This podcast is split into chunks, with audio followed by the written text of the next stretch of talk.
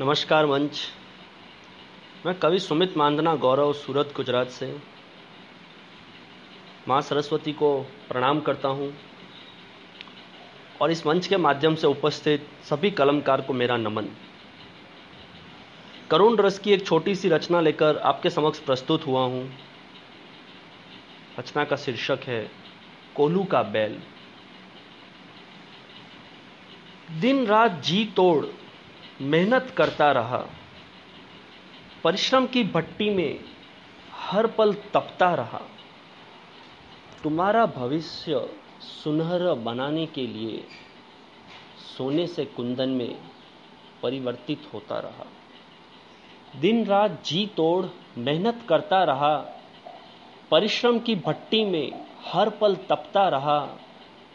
तुम्हारा भविष्य सुनहरा बनाने के लिए सोने से कुंदन में परिवर्तित होता रहा।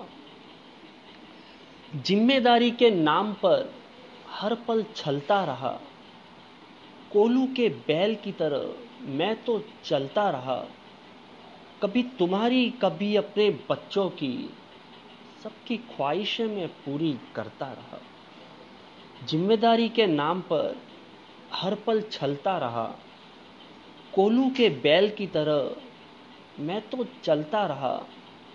कभी तुम्हारी, कभी अपनी बच्चों की, सबकी ख्वाहिशें मैं पूरी करता रहा।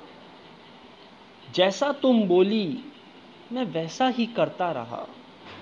अपनी दिलो जान तुम पे लुटाता रहा। एक बार भी मैंने पलट कर नहीं देखा। जब चला गया सब कुछ तो बस हाथ मलता रहा। जैसा तुम बोली, मैं वैसा ही करता रहा। अपनी दिलो जान तुम पे लुटाता रहा। एक बार भी मैंने पलट कर नहीं देखा। जब चला गया सब कुछ तो बस हाथ मलता रहा। तो बस हाथ मलता रहा। जी बहुत बहुत शुक्रिया बहुत बहुत धन्यवाद।